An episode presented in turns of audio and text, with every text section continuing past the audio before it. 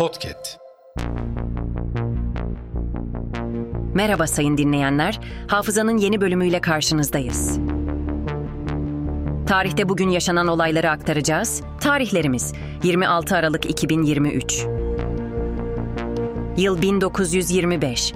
Uluslararası saat ve takvimin kullanımı Türkiye Büyük Millet Meclisi'nde kabul edildi. Yıl 1933. FM radyonun patenti alındı. Yıl 1995. Uzun yıllar devam edecek olan Manisa davasına konu olan Manisalı gençler gözaltına alındı. Yıl 1982. Time dergisi yılın adamı listesine ilk kez insan olmayan bir nesne girdi. Kişisel bilgisayar.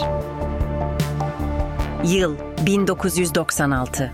Türkiye Büyük Millet Meclisi Susurluk Komisyonu'na bilgi veren Milli İstihbarat Teşkilatı, Kontrterör Daire Başkanı Mehmet Eymür, Milli İstihbarat Teşkilatı'nın Abdullah Çatlı'yı 1980 sonrası yurt dışı operasyonlarda kullandığını açıkladı. Hafızanın sonuna geldik. Yeni bölümde görüşmek dileğiyle. Hafızanızı tazelemek için bizi dinlemeye devam edin.